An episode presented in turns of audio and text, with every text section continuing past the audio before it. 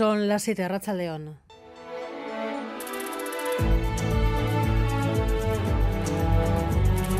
Gambara con Arancha García.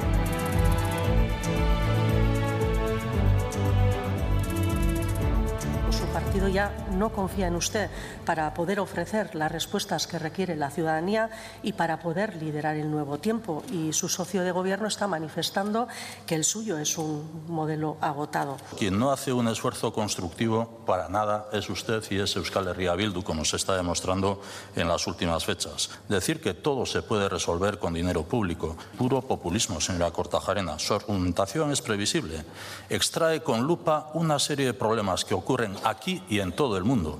Los exagera y los agita. El clima preelectoral se instala al final de la semana en la que se confirmó que ni Íñigo Urcullo ni Arnaldo Tegui serán candidatos, la semana en la que las dos primeras fuerzas del país han abogado por un relevo generacional. Con el primer sondeo de intención de voto, el sociómetro con encuestas realizadas cuando aún no se sabía nada de esto confirma que las distancias se aprietan. El PNV volverá a ganar las elecciones con dos escaños menos.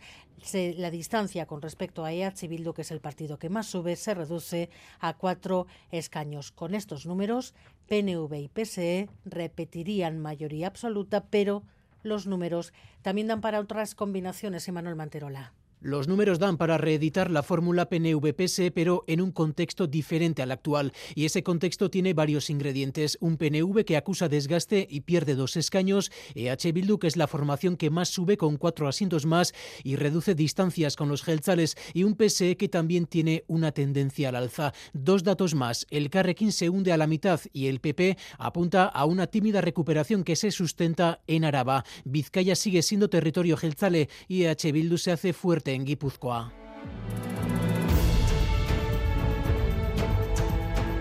Las bombas han vuelto a caer sobre Gaza tras una semana de alivio. La tregua ha terminado hace 12 horas y ya hay al menos 100 palestinos más muertos. Israel está atacando también campos de refugiados al sur de la franja.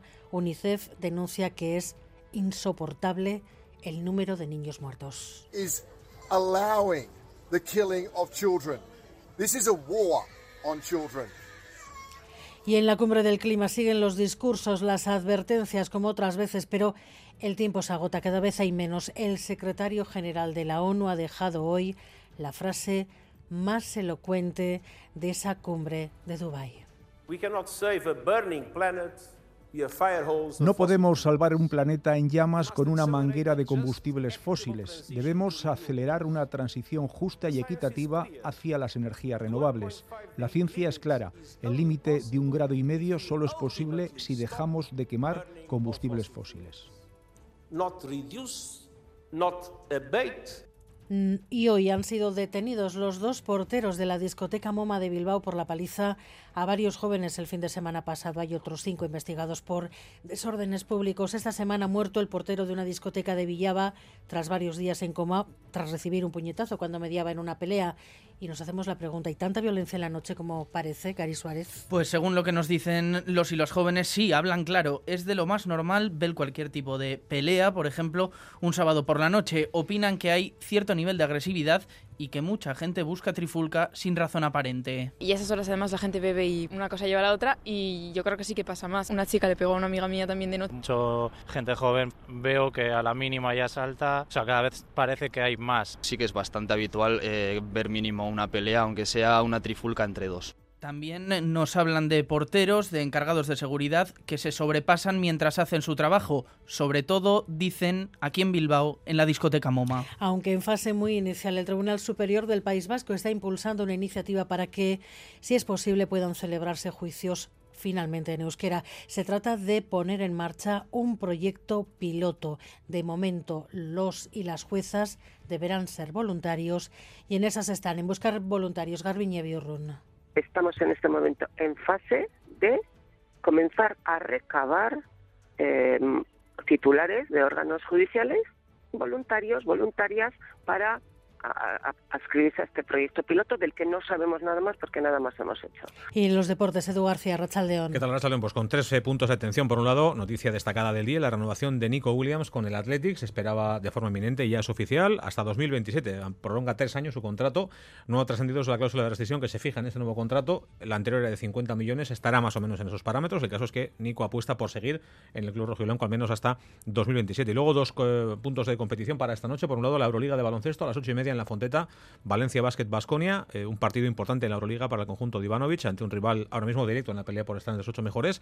Y la pelota. Hoy tenemos eh, festival en Amorebieta, arranca la segunda jornada del parejas y van a jugar Jaca Mariz Correna contra Peña y Albisu. Dos parejas que ganaron la jornada inaugural, por tanto, quien venza hoy se colocará como líder, aunque estamos todavía tan solo en la segunda jornada.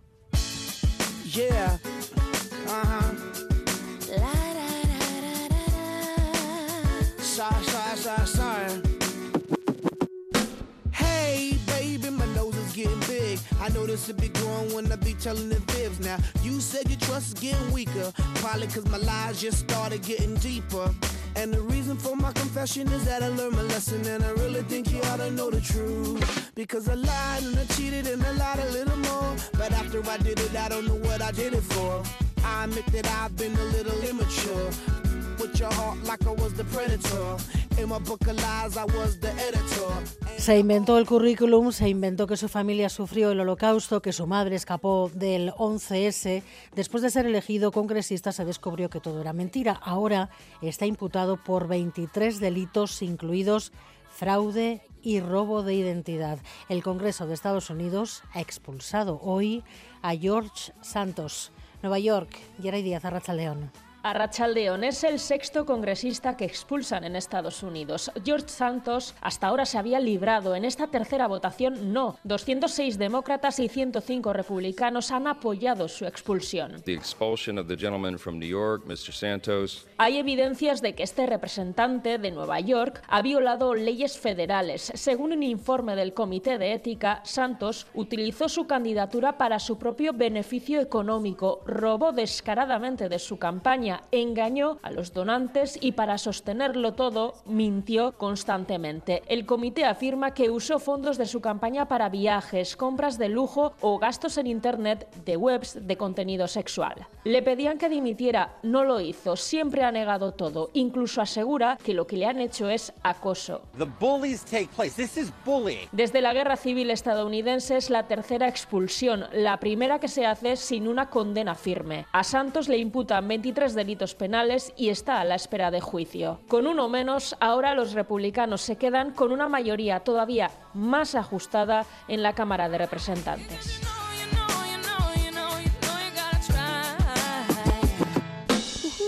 Y además estrenamos diciembre, el ambiente prenavideño se nota ya en la calle en Donostia a la espera del encendido de las luces. David Beramendi, Arracha León. Arracha Aldeón, bueno, pues solo faltaba Donosti y Arancha, la noticia es que hace apenas nada, dos, eh, tres minutos, se han encendido aquí también, por fin, las luces de Navidad. Este era el momento. Iru, bat, argiak y la gente ha empezado a aplaudir. Ha sido junto al río Urumea, entre los puentes de la Zurriola y Santa Catalina, con un espectáculo en el que ha actuado el Orfeón Donostierra, en el que ha habido un espectáculo acrobático sobre el río y también, como no, en Donosti, fuegos artificiales. En total, arancha 600 elementos de luz. La Navidad también ha llegado, sí, aquí a Donosti. Miguel Ortiz y Alberto Sobel están en la dirección técnica, Cristina Vázquez en la producción. Comenzamos.